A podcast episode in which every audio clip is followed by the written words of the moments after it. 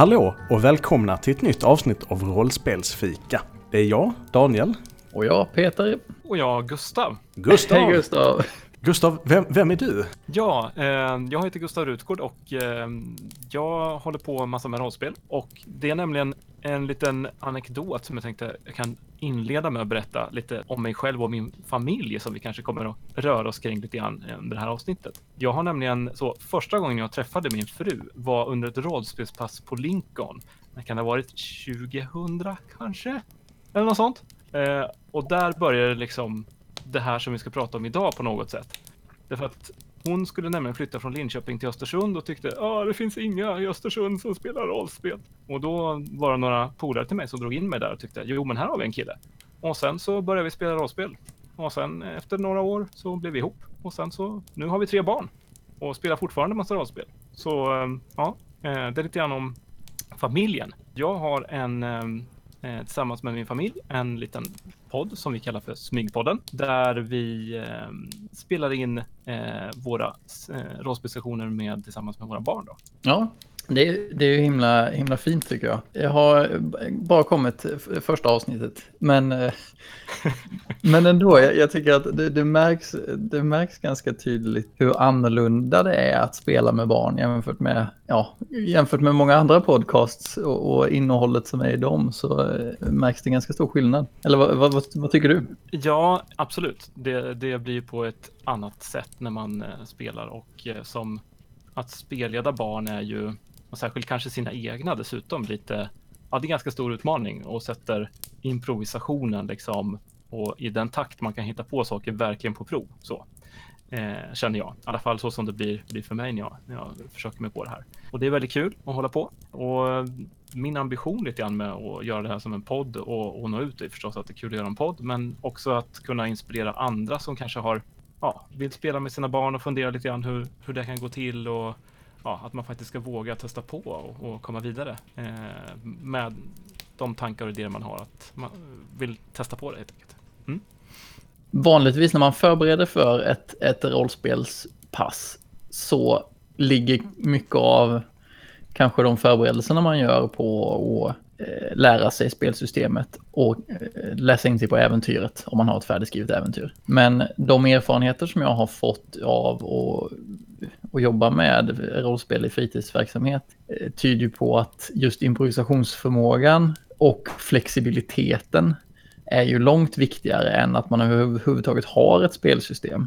Ja, det, jag håller absolut med dig om det. Och, eh, eftersom vi har spelat in det här som podd nu så har jag ju liksom tänkt att jo, men det, det måste finnas någon story liksom, som är uttänkt och sådär. Men, men kanske ska jag helt släppa det nu. Vi kommer faktiskt eh, ja, nå någonstans i september någonting vad det blir, så kommer vi släppa sista avsnittet av den första kampanjen då. Eh, mm. Eh, och, och, efter det så har jag liksom så funderat lite grann över hur, hur jag ska göra om jag verkligen ska, ska förbereda saker.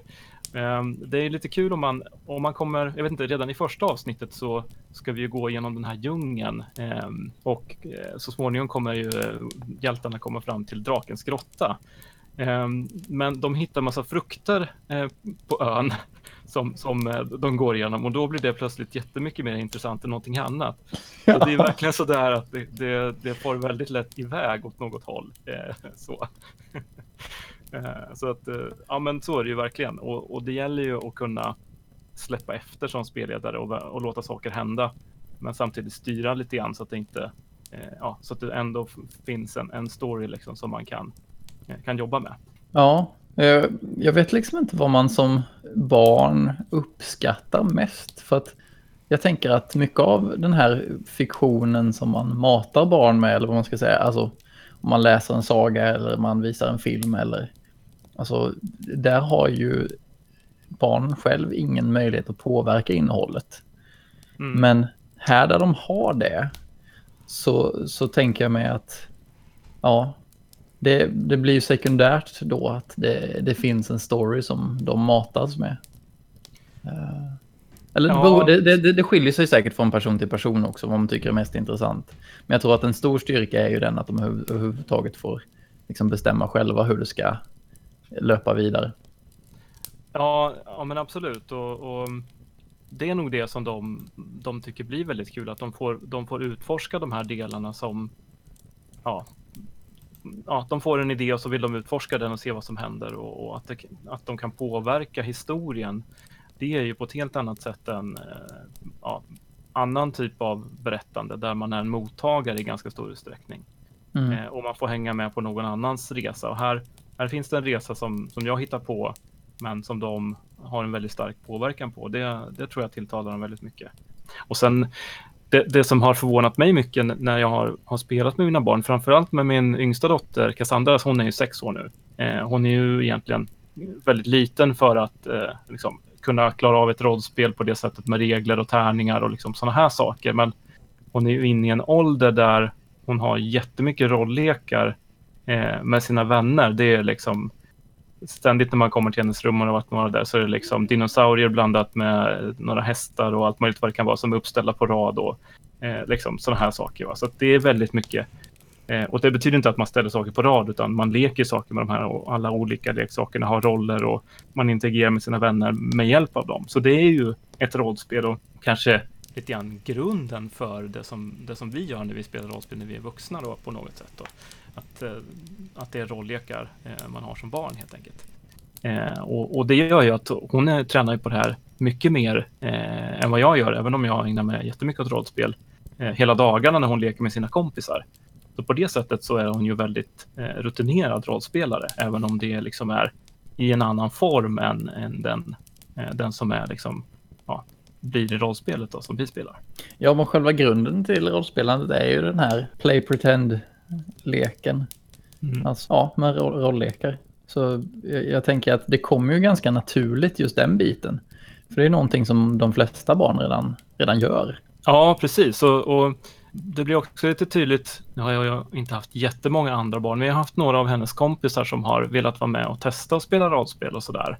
Mm. Och vi har liksom lite spontant satt oss ner vid bordet och, och, och kört igång. Och det har varit lite olika. Eh, min dotter är ju väldigt på och liksom vill köra det här med sina vänner, men de, en del av dem, nej, de, de klarar inte av det här och hitta på och tänka i sitt huvud liksom på samma sätt som, som hon gör. Så det är inte så att hon är liksom överlägsen någon annan, inte det jag vill säga, men att jag tror att det är olika hos olika, hos olika personer, precis som bland oss vuxna. Jag menar, det är inte alla som ja, är intresserade av rollspel eller känner att det ger dem någonting och det är för de har en annan typ av liksom, ja, personlighet eller ja, sätt att vara på kanske. Mm. det är svårare kanske för dem. Jo, nej, men det, alltså, det, det, det, är ju intressant eh, för man tänker sig på något sätt liksom att man har ett mer oförfalskat, eh, liksom, ja, mer oförfalskad ingång i, i spel. Eh, där man inte, du har liksom inte massa idéer om hur det ska vara eller hur saker borde vara eller? Nej, nej men precis och, och, och det är ju också det här det här tålamodet och att eh, acceptansen och liksom att man, det här som en annan eh, samtalspodcast pratar väldigt mycket om sociala kontrakt. Det är ju, det blir väldigt påtagligt liksom att det blir inte så starkt eh, socialt kontrakt i det här, eller det blir det väl i och för sig, men det är inte så att man accepterar själva spelet som bara för spelets skull, utan är det inte kul, då är det inte intressant omedelbart. Liksom. Mm. Eh, och det blir ju väldigt, eh, en väldigt stor utmaning då eh, som vuxen spelledare att eh, se till att alla är intresserade av att fortsätta kunna eh, vara engagerade under eh, rollspelspasset. Ehm, och eh, de rollspelsversioner som vi har haft innan vi började med podden har ju varit varierat ganska mycket från, ja, vi kanske kunnat hålla på en, en och en halv timme. Eh, men ibland har vi fått bryta efter 20 minuter därför att nej, men det, det går inte att hålla fokus liksom. Och då är, det, då är det bättre, liksom, då släpper man det liksom, innan det blir, liksom, känner sig trängd som, som, som liksom, deltagare i det här, att man måste fortsätta med rollspelet. Så släpper man det och sen så tar man upp det sen lite senare, för då har man ändå kvar den här positiva eh, inställningen till det. Så det tror jag är väldigt viktigt att tänka på som, som förälder, att Eh, ja, man kör med barnen så länge som de tycker det är kul och sen så måste man liksom känna av att nej, men nu, nu är det inte intressant längre och då antingen byta riktning och se om det funkar eller släppa det. Mm. Det var faktiskt någonting vi, vi diskuterade tidigare off mic och något som jag funderade också på efter att ha lyssnat på första och halva andra avsnittet av Smygpodden. Eh, att eh, det är svårt för dem att hålla, man kan inte bara sitta och, liksom och taggla igenom det för att man, ja det, snart kommer det roliga bitar. Mm, nej, precis. Med att det är liksom lite samma med, med regler och sådana här saker i, som spelledare då. Att eh, ja, man kan bli upprörd eller ledsen för att något känns orättvist även fast det är, liksom är rättvist rent regeltekniskt. Det bryr man sig inte om när man är liten. Nej, Eh, precis, och det är ju det är väldigt påtagligt och det märker man kanske om man lyssnar på podden också, att vi har med tärningslag mest för liksom, ja, men om man försöker lägga någon magisk trollformel eller om man gör någon, någon, någonting annat fysiskt krävande. Liksom. Så då, vi har verkligen hållit det till ett minimum och för att det ska bli lite lättare så ja, i, i äventyrsspelet så har man, man har T10 man kör med och sen så har man tre tärningar. Eh, ett normalt slag så ska man slå en tärning och så ska man slå under sitt värde ett lätt slag så ska man slå med eh, två tärningar och någon av dem ska vara under sitt värde. Ett svårt slag så är det två tärningar och båda måste vara under och så vidare. Va? Och då försöker jag köra liksom på att det ska vara ganska enkelt att lyckas för att det inte ska kännas eh, så himla svårt, men att man ändå känner att det finns liksom en, en risk och nu får vi slå tärning för att nu är det lite spännande och att det är mera på det sättet. Eh, men desto äldre barnen blir så blir det ju en större acceptans för att underkasta sig ett regelsystem som man, för att hålla en rättvisa och för att man inte ska kunna springa iväg för långt åt åt vilket håll som helst. Så, så att, eh, vi får se vad som händer längre fram när de blir lite större. Man får säga att det är som en lärandeprocess det också. Att, att, det blir inte alltid som man vill, men det kan, att det kan vara bra, kul ändå. Ja, absolut. Uh, och det har varit lite kul för att uh, en del satser som min, min dotter har gjort så här, så, så säger han att och, ah, och sen så går jag fram och uh, gör det här och det här och jag lyckas. För att hon vet liksom att då säger spelledaren att, att, du lyckas eller du lyckas inte. Så då säger hon själv att hon lyckas, att hon ska vara klara med det. men, men det är också, jag tänker om hon nu ägnar sig mycket åt rolllekar i vanliga fall så är det ju så man, så man bestämmer utfallet av saker där. Ja, ja, men så är det ju verkligen. Och där är det ju den som lägger fram det bäst och eh, övertygar den andra som får, får liksom sin vilja igenom. Ja. Eh, och där det ju ibland blir konflikter i dem, så att säga.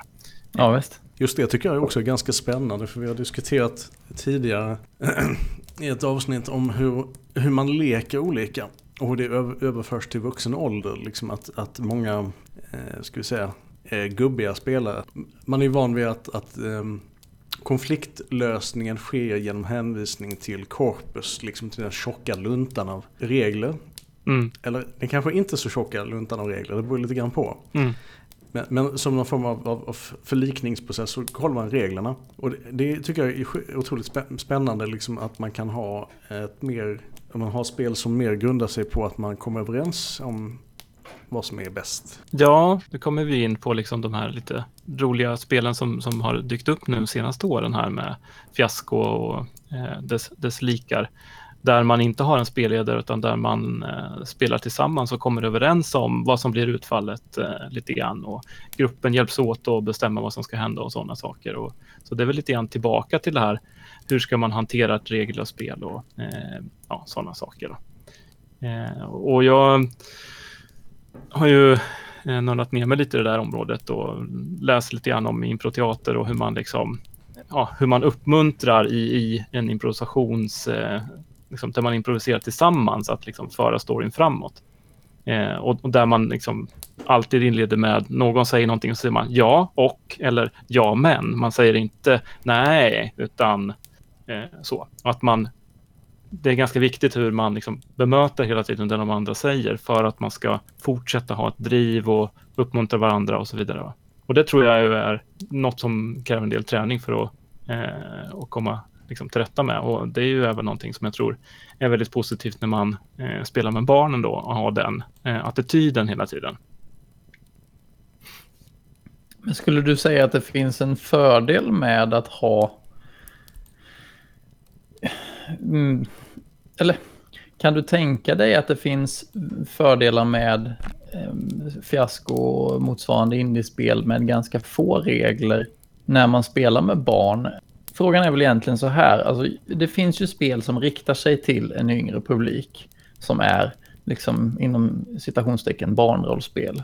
Mm. Men på vilket sätt känner man som, som vuxen spelledare då ett stöd från det systemet när det kommer just till barn? Alltså hur, på vilket sätt förenklar systemet spelet med barn? Jag skulle säga att, att min syn på det här sagospelet Äventyr som eh, jag har kollat en del på, som vi spelar i den här podden också. Mm. Eh, det, dess styrka är väl kanske inte själva regelsystemet, alltså det, det är ju gjort ett enkelt regelsystem för att det ska finnas ett där och det finns ju också även en lite mer avancerad för, för lite äldre barn och sådär. Men det som är den stora liksom, tillgången i sagospelet Äventyr, det är att på precis alla ställen där det finns beskrivningar av saker, om det, det kan vara allt från ja, det är någon beskrivning om ett monster eller en beskrivning av en plats. På alla, alla ställen så har de lagt in två, tre saker som de punkter som de kallar för sagofrön. Mm eh, så där har de lagt in ett stycke om, okej, okay, tycker ni det här var en kul grej? Ja, men eh, kolla på de här tre uppslagen för hur ni gör en, en historia om just det här. Och det gör ju att eh, det blir ett väldigt stöd för okej, vad, vad, ska vi hitta på idag? Och så sit, kan man sitta och bläddra tillsammans med barnen i monsterboken eller platser eller vad det nu kan vara. Och så, mm. ja men det här verkar kul, liksom, vad är det här för någonting? Och så får man lite uppslag som spelledare för hur man liksom kan, kan få med den delen. Det tycker jag är eh, väldigt bra gjort eh, i det här rollspelet just, eh, just för barn. Då, att då kan man titta tillsammans och så kan man, eh, kan man spela eh, ganska snabbt utifrån det sen. Mm. Jag vet, jag, jag kollar på en annan grej som eh, eh, som de hade på eh, Gothcon också. Som är någon form av kortsystem där man har liksom en, det är som en bricka med tre stycken platser för kort. Eller nej, det finns olika brickor som då blir på något sätt uppdraget. Eh, rädda och så är det ett kort från den och så är det ett kort eh, okay. mm. i den och så är det liksom så att det är liksom någonting som ska räddas eh, från någonting som finns på en plats. Och så mm. drar man då från den här kortleken och lägger tre kort där och sen så blir det liksom som ett unikt uppdrag då. Ja, det låter ju som ett väldigt bra spelstöd och särskilt med en bild också som ju eh, är lätt för barnen att associera till då.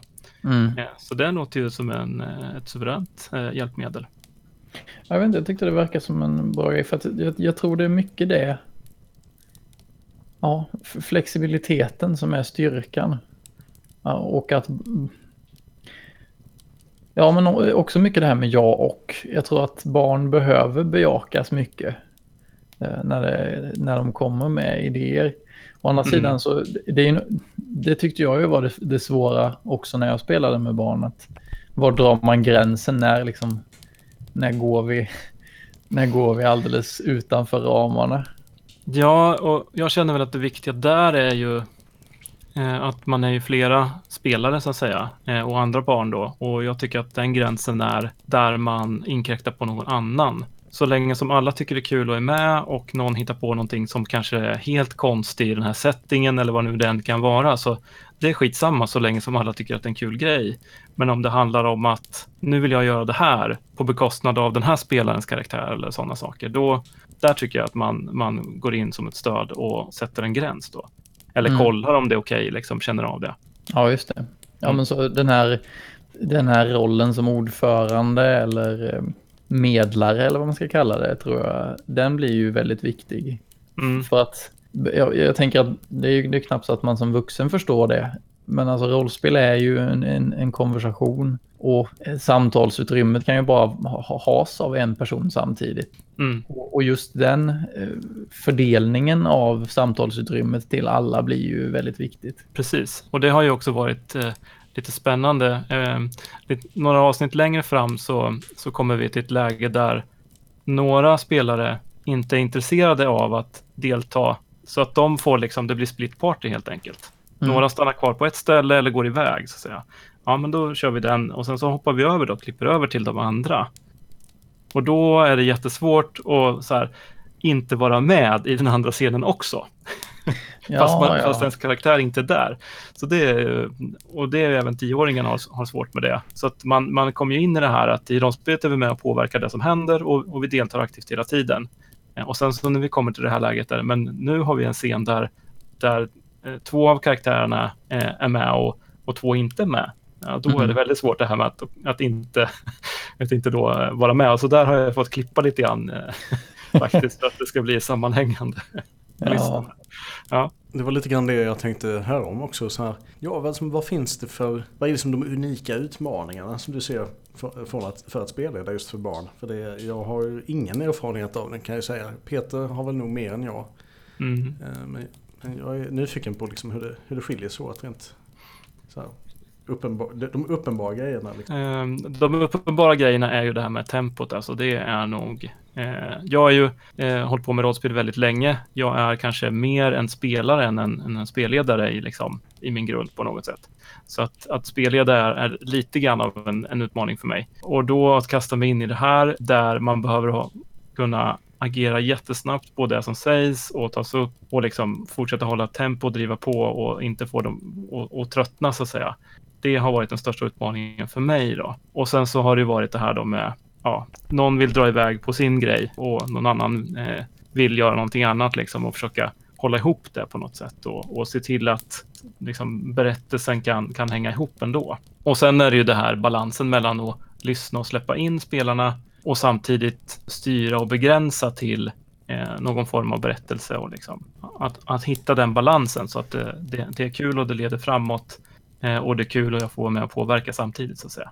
En annan sak som jag vet, eh, Adam Coble har ju eh, pratat om det i Office Hours, vet jag. Där de också tog upp att spela med barn.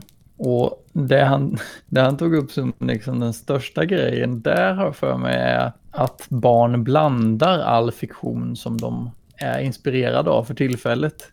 Så att har man, ja men det, det, det, det märkte man ju lite grann. Jag tänkte på det första avsnittet att det är en av spelarna som är, vad är hon, en enhörning? Ja, precis. Ja, Ja. hon, hon är en enhörning med vingar, absolut inte en Ja. Pegasus. Ja. Nej, men, men fortfarande liksom det, det, det är väl inte tänkt att man ska vara det egentligen i sagospelet äventyr, eller är det? Ehm, Det finns en ras som är djurfolk. finns okej. det. Eh, Men eh, det vi inte har berättat i podden är ju eh, bakgrundsskapandet. Eh, Jag vet inte om jag får, får outa det här, men eh, det här säger lite grann om hennes kreativitet. kreativitet jag kan inte säga det. Kreativitet. Eh, Hon är ju då eh, Malte då, så hon, hon spelar kille. Hon, hon har haft en period då hon har lekt mycket med killar och hon ja, har velat vara kille ett tag och lite sådana saker. Mm. Och, och, så då är hon Malte, en kille, för, som även hennes bästa kompis heter Malte. Okej, ja. Ja, ja eh, så det är lite inspiration där. Och sen så är hon då den här eh, rosa enhörningen med eh, vingar, eh, som ju kanske symboliserar någonting helt annat eh, så. Eh, men sen så är hon ju cool och hård också. Så att hon, hon har då kommit fram till att hon och dels så kan de sparkas med sina hovar, det, det är inte så konstigt kanske så, som hennes vapen. Men så kan de bitas, hästar bits. Ja. Men hon har ett giftbett. Ja, och vänta nu här. Och vad händer då? Kan ni gissa vad som händer när man blir biten av den här häst, eller Pegasusens, nej förlåt, enhörningens giftbett? Man somnar kanske? Mm, man somnar. Ja, inte riktigt så. Eh, man blir förvandlad till en groda. Mm. Och det känns ju som att, ja, det, kan ju, det har man ju sett, liksom, att eh, man blir förvandlad till en groda, eller snarare kanske tvärtom då, att man kysser en groda som blir förvandlad till en prins, det är så här vanligt sagotema. Ja. Eh, Och då frågar jag ju henne förstås, okej, men vad händer om man pussar grodan då? Ja, då blir den till en sten.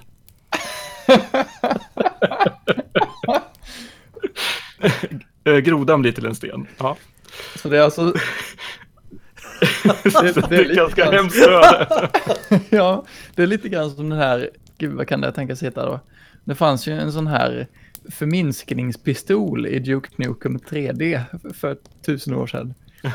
Där man, där, där liksom, istället för att man dödade fienderna som vanligt så först så sköt man en sån här boll på dem så att de förminskade så blev jättesmå och sen gick man fram och stampade på dem.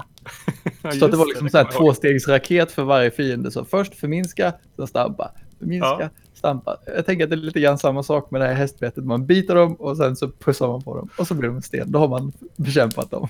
Ja, och det var väldigt kul för att vi hade en rollspelssession där, där det här också hände. Eh, och, och det var in, ingen av de andra spelarna känner till den här förmågan som eh, Cassandra hade då, eller Malte då. Så Nej. då är det en vakt som, som står och undrar vad de håller på med när de kommer in sent på natten från träsket in i byn. Liksom. Ja. Och då så säger de så här, ja, jag biter vakten bara. Eh, ut, out from the blue. Ja, okej. Rulla tärningar liksom för att se om du, om du träffar. Ja, visst. Eh, du träffar. Okej. Eh, Och så säger jag till de andra, ja, ni ser hur de alltid går fram och biter vakten som förvandlas till en groda. och, och då Kasper, då, tio år, direkt liksom på, ah, jag plockar upp grodan och pussar den. det var så jäkla bra. Så det var lite, väldigt synd att vi inte fick med det på någon inspelning. Men ja, eh, så det blev ju väldigt bra liksom, upplägg på det här. Ja, ja. Men det är också en sån sak, hade du aldrig, hade du aldrig frågat vad som hände när man pussade grodan så hade det ju heller aldrig... Det är ju att du har ställt den frågan som har skapat det lite grann. Ja, precis. Ja, så är det ju. Ja. Ja, eh, jag, jag, jag tänkte jag skulle säga det också att nu när vi eh, när jag spelade med, med barnen på fritids då så då märkte jag också av det här att de tog liksom de referenserna som de hade i, i övrigt. Mm. Vi, vi spelade ju Don't Rest Your Head som är man, man spelar karaktärer som är insomniacs och som då på grund av det har börjat se massa konstiga saker och är förföljda av mardrömmar. Anledningen till att jag valde det var väl huvudsakligen för att det var ett ganska enkelt spelsystem. Okej, Ehm, eh, och att man lätt kunde bara kasta in folk och det var lätt att göra karaktärer och sådär. Jag kommer inte riktigt ihåg hur det gick till här, men alltså det var ju liksom så här, frågorna var ju ganska, det var ju som ett frågeformulär att man skrev vem är du? Och sen så, då var där en av dem som spelade som, ja, så hittade de på, ja, jag är sjökapten på ett piratfartyg. Så bara, ja, jag är, jag är akademiker som jobbar med forskning. Ja, och så här, det var massa olika. Men då var det en då som valde, jag är Viktor i I just want to be cool, som då är en sån här YouTube-kanal Ja, som spädbarn. okej. Och jag bara, all right. Ja, nej, jag ska, jag ska prova och se vad som händer om jag inte liksom säger nej till det här. Och då, sen nästa steg är ju så att man har olika förmågor eller så här vansinnesförmågor. ehm, som man då använder sig av för att göra magi i princip. Och då var den här, den här karaktärens specialförmåga var att den kunde skjuta plasmabollar genom händerna. Så det, det är alltså ett spädbarn som kryper omkring och skjuter plasmabollar genom händerna. Ja. Ja, och visst, det, det blev ju någonting av det också. Jag kommer inte ihåg riktigt vad det blev. För mig han bröt sig, bröt sig in på en, på en flygplats. Han skulle åka ner till Afghanistan.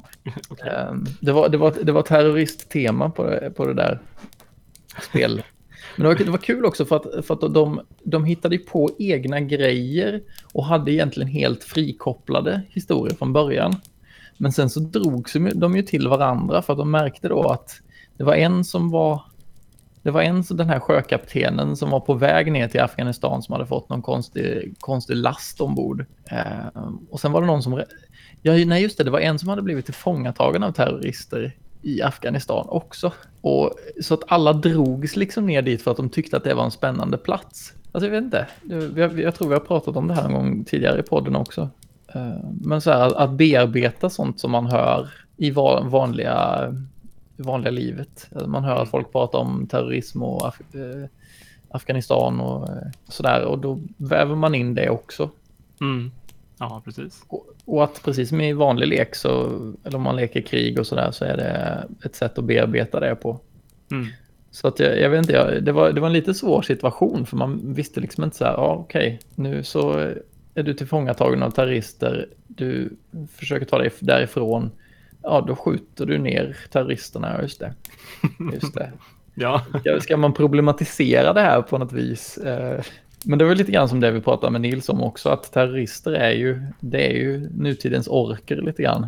De- kan man alltid döda för att de är ju genomonda. Det kanske finns en poäng med att ha sådana eh, fraktioner som, som man inte behöver liksom ta moralisk hänsyn till. Men samtidigt så är det ju också problematiskt för sådana finns ju inte i verkligheten. nej, precis. Men ja, på något sätt, för man har ju pratat mycket om det här med alltså, videovåldet eller kanske spelvåldet nu för tiden. Eh, Och att om man i Counter-Strike eller Overwatch eller vad det nu är skjuter ihjäl varandra hela tiden. Eh, om det liksom leder till att man blir mer våldsbenägen eller vill skada andra eller så, men, men det är inte alls säkert att, att det liksom hör ihop på det sättet. Utan att ja, det är en lek liksom. Eh, som inte, det finns inget uppsåt att vara elak eller, eller så, utan det, det är mera som en eh, tafattlek datten liksom.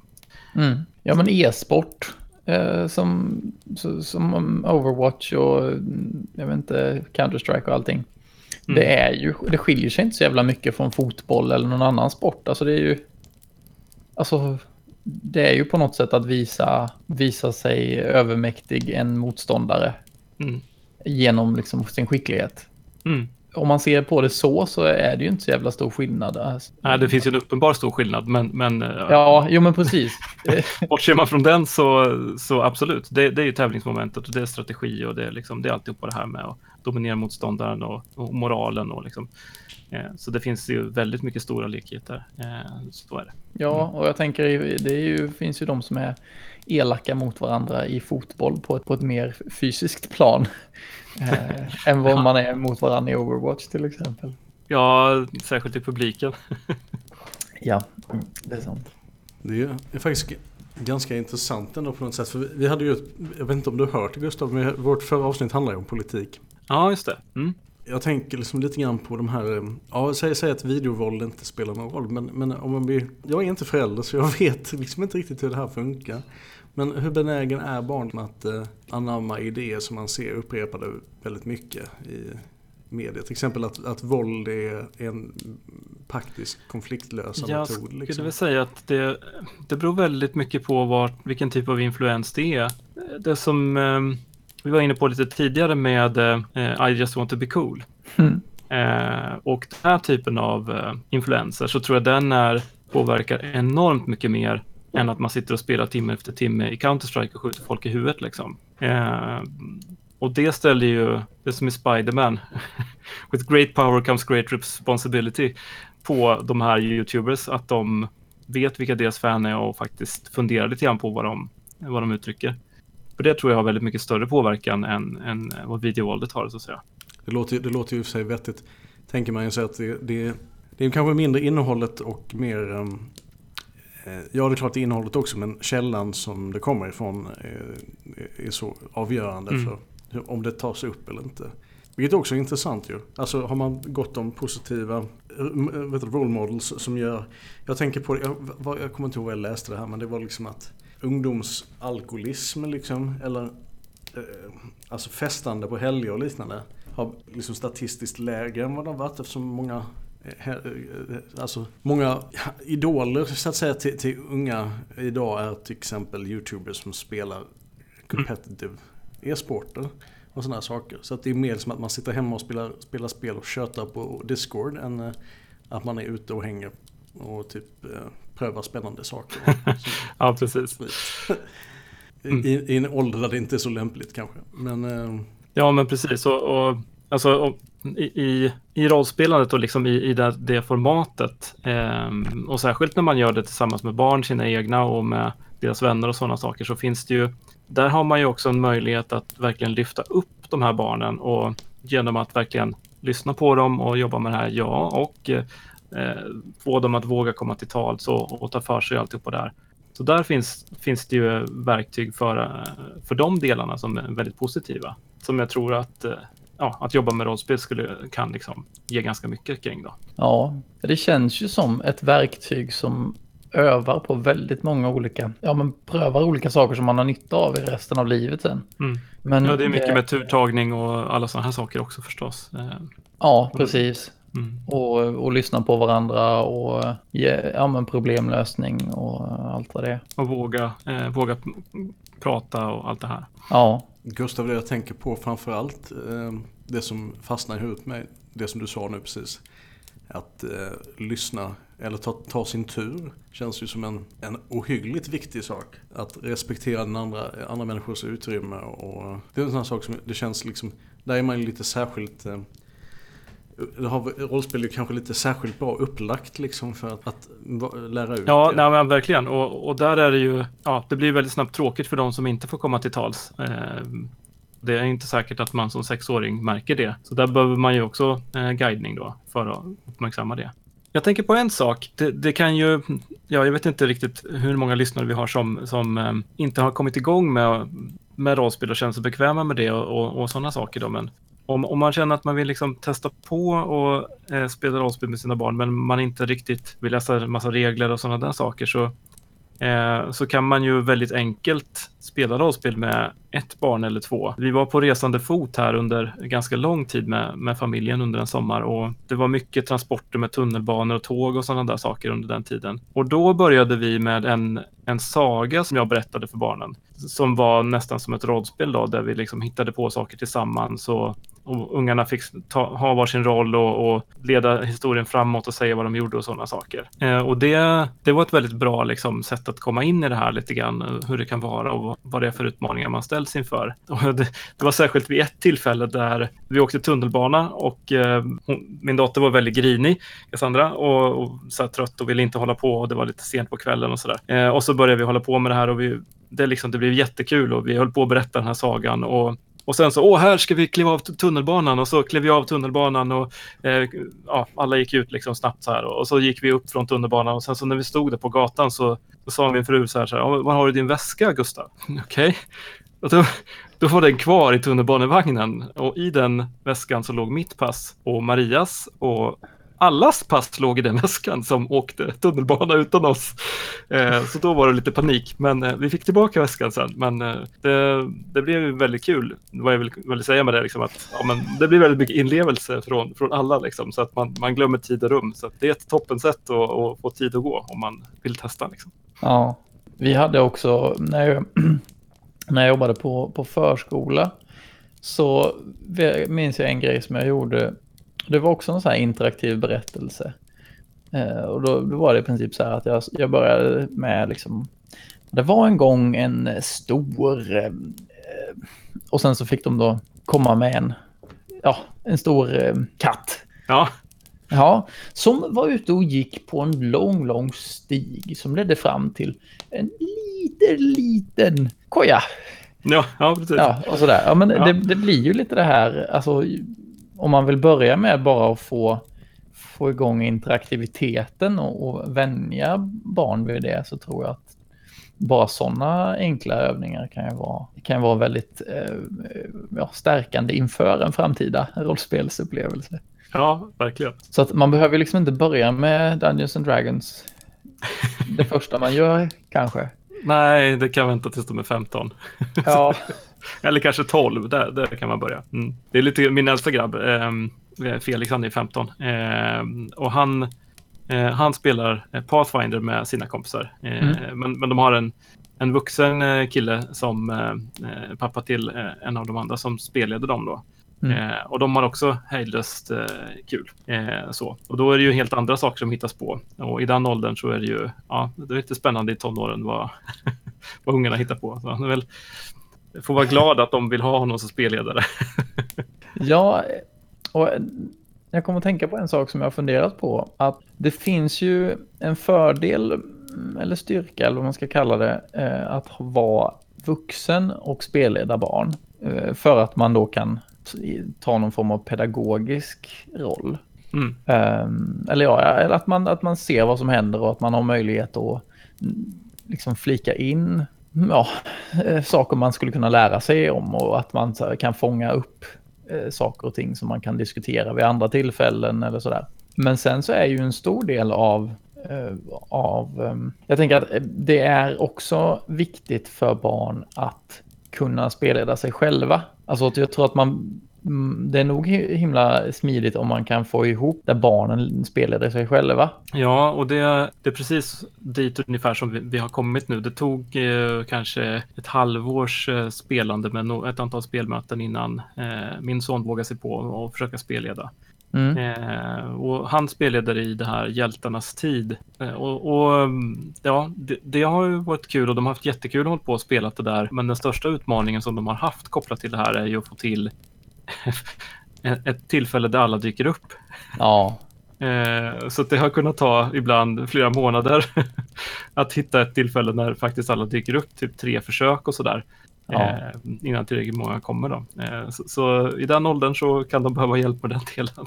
Det var ju ett problem även på fritids minns jag. Att alla inte var där hela tiden. Alltså Mm. här, det var tvunget att vara ett spel där de inte hade samma berättelse, där de inte var på samma plats. Mm. Eh, för att de fortfarande skulle få ha sin karaktär i fred på något sätt. Och att när de kom tillbaka så visste de vart den var. Men eh, att då de andra hindrades inte av att någon var borta. Eh, men annars är ju det, det är ju ett stort problem. Eh, barn tror jag, det är nog svårt för dem att planera. Eller så att det måste till att någon annan planerar åt dem tror jag. Ja, nej, men det, det verkar vara en stor utmaning. Men, men jag tror att nu med 15-16 här, då tror jag nog de kommer hänga väldigt mycket hela tiden istället. Mm. Jag kommer ihåg själv från den åldern att man, man hade några polare som man alltid hängde med. Liksom. Det var ju typ då som jag började spela rollspel också. Vid den tiden när man alltid ständigt hängde tillsammans. Eh, och då, då hade man möjlighet att kunna spela på sommaren typ varje dag. Ja. Om ändå Gothcon vore på sommaren. Ja, men det, vi är ju inne och spelar så vi ska inte klaga. Nej, precis. En, en, en sista sak jag skulle säga där kring eh, med att barn spelade sig själva. Det var ju att på fritids så märkte jag att det var ett gäng som spelade rollspel tidigare också, alltså tillsammans. Eh, men det var ju lite, ja det präglades väl av de där problemen att de inte fick tid riktigt och sådär. Mm. Men det var ju vissa dagar på fritids där de alltid var på samma ställe liksom. Så det, det var ju jäkligt härligt att de till slut fick ihop en grupp där som, så att de kontinuerligt kunde köra rollspel. Man, mär- Jag märkte också att de, de tog, ju, tog ju efter mycket av det som jag gjorde när jag spelade. Jag, jag skrev ju alltid väldigt mycket anteckningar och sådär. Och eh, liksom långa, långa papper så att jag skulle kunna se vad som hade hänt. För det var ju hopplöst att hålla reda på det. Ja, Eh, och sen när de också spelade så var det ju en av dem som jag spelade med där som också började liksom skriva ner vad som hände och man märkte att han la mycket tid på det. Det var, var kul. Ja, och det där kanske det leder in på en... eh, Nu skulle vi haft med representanter från Sverok här känner jag. Ja. Eh, faktiskt. Därför att det, det, jag tycker det leder till en, en, en, en intressant del för hur kan vi göra för att hjälpa då- de här ungdomarna att organisera sig och faktiskt få till sina spelmöten och sådana saker. För det är ju ändå en del av kanske mer konventionell, om vi nu får säga så, eh, ungdomsverksamhet som, som fotboll och alla möjliga olika idrotter. Att man, det finns en tid, föräldrarna vet om att det är den tiden som gäller, det finns ledare där, man, ja, men i dagens, dagens Sverige så skjutsar man sina barn dit och man hämtar dem när det är slut och så vidare. Eh, men när, när barnen själva ska spelleda rollspel med varandra så, så är det nog väldigt svårt att få liksom samma attention och planeringsförmågan och hur man ska jobba med det. Så att säga. Det är en lite intressant fråga och om Sverok ens funderar i de här banorna. Det är mycket det här med att förenkla till att göra föreningar och sådär. Jag, jag tänker att Sverok handlar ju mycket om att få finansiella medel till att bedriva en större verksamhet. Mm. Jag tänker att det börjar inte nödvändigtvis där. Utan jag tror att det, det får nästan börja på fritidsgårdar och, och den typen av aktiviteter där man bara möjliggör den här mötesytan som krävs för att man ska kunna spela rollspel. Ja, Eh, Ja, för sen, absolut. alltså, det finns ju spelföreningar och sådär. Men det, de håller på massvis med det här med rollspel. Och jag kände bara hur jag ville sjunka genom stolen. Så att, ja, det är fortfarande så är det ju lite skämskudde, i alla fall för mig. Jag vet inte eh, hur ni känner kring det där. nej, men det är väl lite det här när man har, när man har, Eh, när man har kommit in i det och, och, faktiskt, och designar rollspel eller så här. Så blir det ju lite mer en yrkesgrej.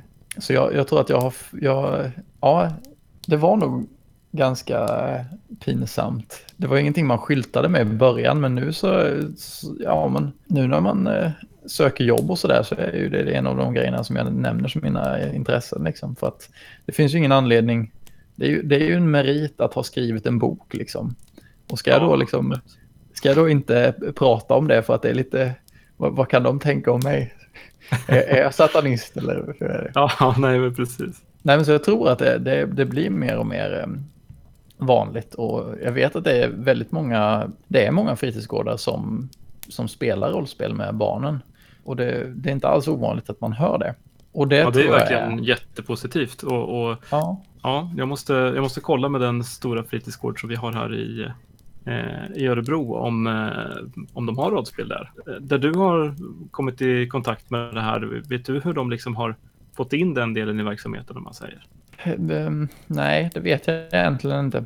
Alltså det, det har skilt sig också lite grann i och med att eh, fritidshemmens organisation, i alla fall i Skåne, förändrades 2016 eller vad det var. Då när jag började jobba i, i, i fritidsverksamhet. Mm. Så att det är lite, jag vet inte riktigt hur det har sett ut tidigare, men jag har hört barn som har berättat om att de har spelat rollspel på andra ställen. Mm. Eh, och, jag, och, jag, vet att vi, vi pysslade ju med det. Mm. Uh, men eh, alltså hur man, ska, hur man ska få till det blir nog väldigt så individuellt. Ja, för det, man ser ju ganska enkelt att man kan se så att, säga, att det finns ju brädspel och sådana saker och att eh, mm. ja, det, det, finns tillgång till så, sånt. Så att det kanske inte är så dramatiskt och ligger så långt borta och ha eh, lite rollspelsböcker eller någonting sånt som finns. Eh, får väl börja donera lite gamla ex. ja, Nej, men jag tror att det, det, det, kräver ju att det är någon som vet vad det är. Jag tror att det är egentligen ja, det. Absolut. Ja, men alltså det, det, hade inte varit så konstigt att ha ett rollspel på ett fritidshem under förutsättning att det är någon i personalen som faktiskt vet vad det är och hur det används. Mm. För det, det, är ju alltid det det hänger på. Ifall inte personalen vet hur det ska användas så kommer det inte bli använt. Men det är mycket bibliotek och sådär som har tagit in eh, rollspel nu vet jag. Ja, Okej, okay. ja, kul. En, en, sak som jag funderar på, vad, vad, är det, vad är det rollspel konkurrerar med idag? I er familj till exempel? Det är ju, framförallt så är det ju att leka med kompisar som är det som konkurrerar allra mest. Vi ropar i huset så här, kom nu så sätter vi oss och, och spelar äventyr så alla bara ja och så kommer alla liksom. Eh, men om det är lördag klockan två och någon säger ja men eh, jag ska gå till den här kompisen, ja men skulle vi inte spela rollspel nu? Nej, ja, nu, nu går jag till den här kompisen istället. Så mm. då, då, väger det mycket tyngre. Eh, ja, okay. Och det har ju gjort att eh, faktiskt ungefär hälften av eh, de avsnitt vi har spelat in med Smygpodden, eller ännu mer, har vi, vi, spelat in när vi varit ute borta från hemmet så att säga på semester och så under sommaren här. Just för att ja, men då, då har man inte samma det här kontaktnätet hemma till, till kompisarna som, som drar och då blir det mer tid med familjen och sådär. Så det är väl kanske lite så här som det är med att man sätter sig vid ett brädspel eller eh, sådana saker eh, tillsammans eh, på det sättet. Då. Har du något att komma med Daniel? Nej, alltså, jag har liksom varit ute mer efter den här grundläggande, ja liksom hur är det att spela rollspel med barn? Eh, eftersom jag inte har någon koll på det. Eh, känner, känner du att du har fått svar på det? Inblick har man ju fått. Jag vet inte om jag skulle våga alla fall, fast jag måste för att mina, eller måste, min ena kompis eh, har ju två grabbar. Eh, och jag har gett mig fasen på att när de blir gamla nog så ska jag, ska jag försöka snärja hela den familjen mm. med att spela rollspel tillsammans. Det tror jag han är akut medveten om, min vän också. Så att eh, det närmar sig den dagen då man ska eh, försöka sig på att spela rollspel med, med dem. Men vi får se. Det, alltså, när, när det är dags för det kanske vi redan har det här med datorer fullkomligt passé. Och det går så fort liksom. Så då har vi cyberimplantat i hjärnan och det går liksom inte att konkurrera med, med, med, med YouTube rakt in i frontalloben liksom. Det är fortfarande, ja, farbror Daniel, hade ni papper och pennor och sånt där på din tid? Du vet innan apokalypsen? Ja, det hade vi och vi använde vår, vår fantasi för vi hade, vi hade energi kvar eh, på dagens slut. Va? Nej, jag vet inte. Jag bara svarar. Jag tycker att det blev en fantastisk avslutning, Daniel. Så i kort, jag hoppas att uh, jag får möjligheten att spela rollspel med, med, med uh, barn eller yngre personer. Mm. Innan apokalypsen. Innan apokalypsen kommer att, att vi, vi har inte ork eller tid till något annat förutom att, att uh, mörda eller mördas för vår överlevnad. Ja, och fram tills dess ska jag bara rekommendera dig att uh, öva stenhårt på snabba improvisationer. Så kommer du att lyckas. Ja, precis, för det är så man kommer att överleva eh, när, när dystopin faller. Liksom, jag tänker mer när du ska spela med barn. Okej, okay. ja, det verkar, det verkar vettigt. det var typ den reguljära slutsatsen av det. Ja, det var bra. Mm. ja, men eh, stort tack för att du ville vara med Gustav. Ja, tack så mycket för att jag fick vara med. Det var kul att köta med er. Ja, du har förstås, eh, vi ska ju inte förglömma att, att eh, vi, Gustav, vad, vad är dina plugs här? Ja, vart hittar man Smygpodden? Eh, man hittar den på smygpodden.com eller på Facebook, Smygpodden. Snyggt. Så var det med det. Ja. ja. Inget annat som du vill lyfta fram? Jag kan ju eh, lyfta fram att eh, framåt nästa år någon gång så får ni jättegärna lyssna på den eh, spännande Coriolis-kampanj som vi håller på att spela in med Äventyrspatrullen som jag spelleder. Och där får ni höra mig spelleda med vuxna, hör och häpna. Coriolis, det tycker vi om. Jag, jag skulle ju nästan också vilja plugga vår eh, svenska rollspelspoddar eh, Discord-server. Alltså, det var, ju, det var ju så vi hittade dig. Ja, precis. Eh, Där har vi haft väldigt mycket kul. Eh, Så om du gillar rollspel så gå in på eh, Discord och eh, ja, jag vet inte, hur hittar man den här egentligen? Man blir inbjuden va, på något sätt? Vi kan säga så här att det finns en inbjudningslänk. Om ni tittar i show notes till det här avsnittet så kommer det att finnas en inbjudningslänk som aldrig, aldrig någonsin går ut. Så där är det bara att klicka på den. Det är perfekt för rollspel för man kan prata med varandra genom Discord. Det är jättepraktiskt. Och vi är ett stort och härligt gäng eh, svenska rollspelare där och jag skulle säga att, att den större delen av svenska rollspelspods-communityt eh, Ja. hänger där. Det är, det är härligt och eh, mysigt och det är mycket diskussioner. Så, Hoppa in så vi att säga hej, tjena, välkommen!